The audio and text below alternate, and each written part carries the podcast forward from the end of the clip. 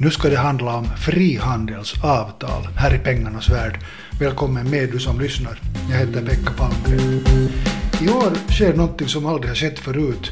Både finska och svenska staten dras inför rätta av utländska investerare.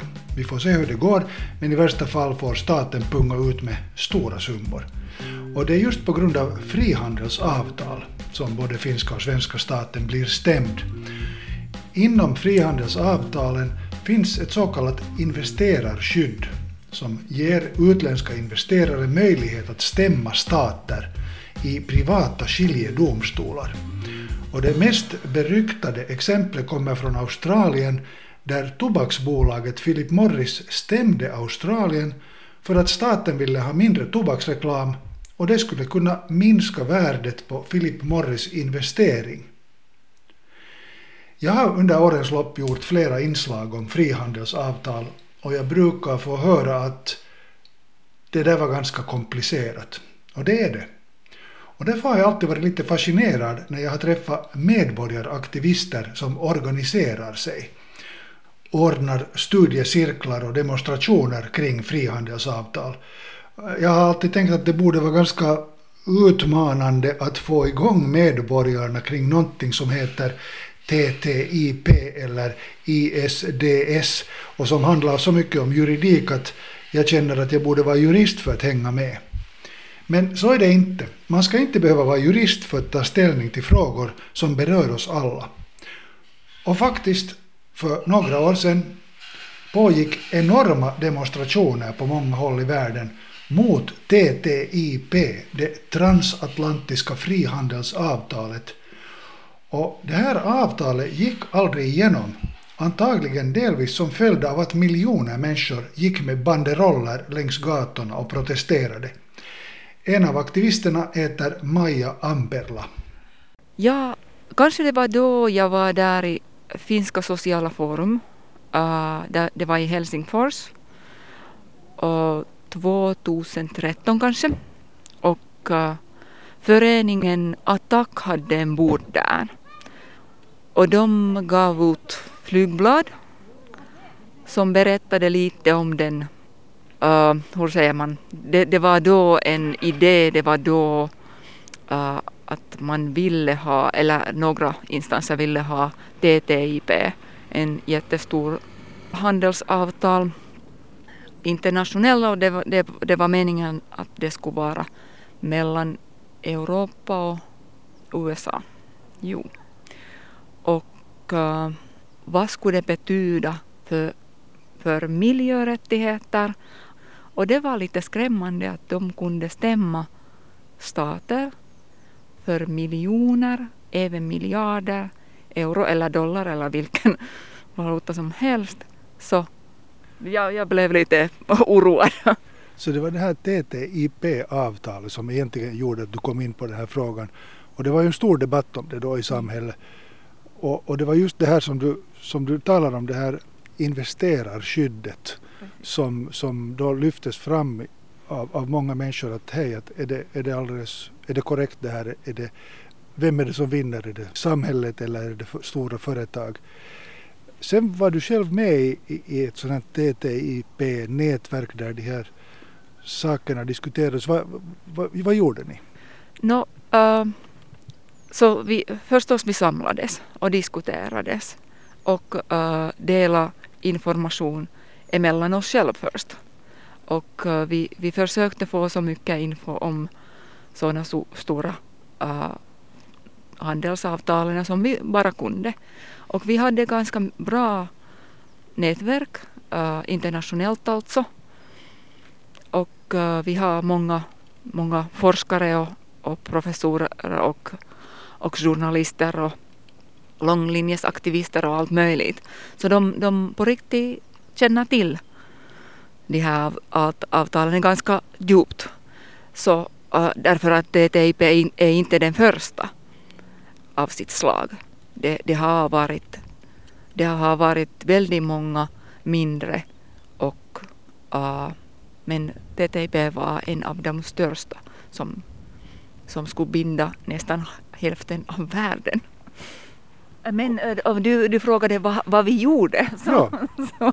så jag ska ber- berätta lite om det. Så vi har översatt artiklar äh, från olika forskning, äh, forsk, forskningsinstitutioner och äh, vi ordnade demonstrationer, ganska stora demonstrationer. Så det var, den största var någon 12 000 människor var där. Så även i, hela Finlands skala, det, det är ganska stort. Vi var med i festivaler och, och sånt och vi hade en musiker gjorde en, en låt för oss och en konstnär gjorde en stor, stor uh, trojanhäst för oss så att, för att skapa lite synlighet och, och få människor att vara medvetna. Så. Var det förresten ett helt fin, finländskt nätverk eller var det internationellt? Vi hade en tysk kille med, några svenskspråkiga finlandssvenska människor men uh, största delen var förstås helt finska människor som var med. Och fortfarande är. Så nätverket finns kvar? Jo, vi har just börjat samla om igen och, och jag, jag väntar på att, att vad ska vi göra nu? En forskare som har intresserat sig för frihandelsavtal är svenska Rickard Alvin. Han började undersöka frågan just då ungefär 2014 när TTIP, handelsavtalet mellan EU och USA, var på tapeten. Och han har hållit på sedan dess. Och det har hänt en hel del sedan dess. Rickard Alvin berättade för mig när jag intervjuade honom nyligen att det finns 1100 fall där investerare har startat en process mot en stat. Investerarna har vunnit ungefär 230 fall och eh, staten har vunnit ungefär i 300 fall. Och i ungefär 150 fall har parterna kommit till överenskommelse vilket också har inneburit att staten har betalat en ersättning. Rickard Alvin har skrivit en bok om frihandelsavtal där han förklarar vad investerarskyddet och allt det här juridiska egentligen innebär och går igenom konkreta fall. Men tillbaka till samtalet med aktivisten Maja Amperla. Det här stora transatlantiska frihandelsavtalet så föll ju sen till slut. Det, det, blev, blev, det blev ingenting av det. Hur, hur kändes det? no, det, det kändes på något sätt bra men alltså vi, vi visste på samma gång nä, nästan på, på samma dag vi, vi, vi, vi talade om det att det här är inte slut alls. Att det ska gå på i någon del av världen då, då kände det att det lite, den syfte niin ändrade lite, att det, det gick mera till den asiatiska länder. Och, men, men ni, ni insåg att, att det här med frihandelsavtal med andra ord att det kommer att fortsätta? Ja, precis, precis och, och jättebindande och alltså det att det ger, det säljes för oss liksom att det ska vara så jättebra för vår ekonomi och det ska vara så jättebra för våra lilla och medelstora företag. Lilla och medelstora företag. Men det som glöms bort helt är att de jättestora och megaföretagarna, de kan utnyttja om de vill. Alltså vad, är, vad är egentligen det stora problemet om vi tänker att, att stora företag ändå skapar arbetsplats och eh, pengar i samhället som behövs för att, för att driva vårt välfärdssamhälle, sjukvård och skolor och sånt. Jag skulle säga att i min åsikt den största problem är, nu måste jag tänka lite, i min åsikt den problem är att de har rättighet att stämma stater.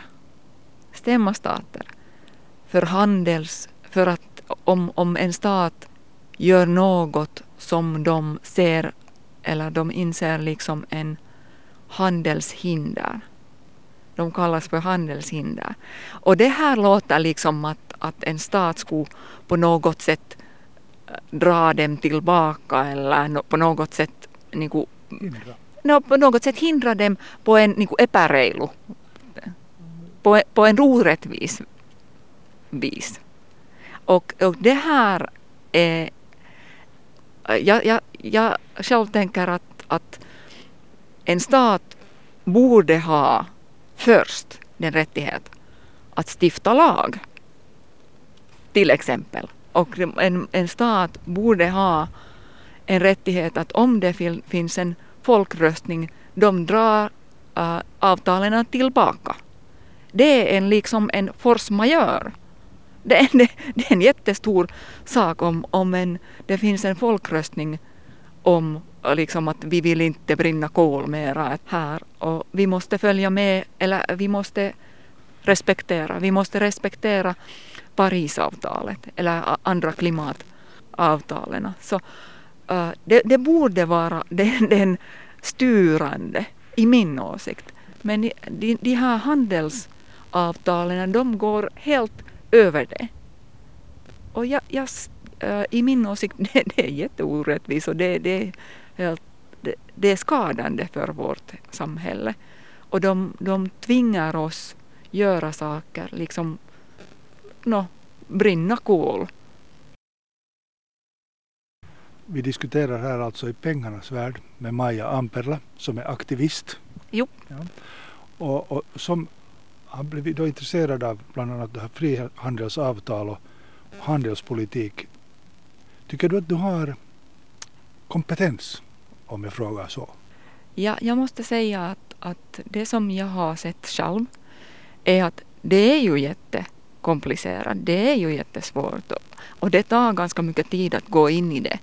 Men det finns vanliga människor som tar den tid och går in i det och följer med och använder, använder ganska mycket tid och goda uh, nätverk hjälper jättemycket till med det.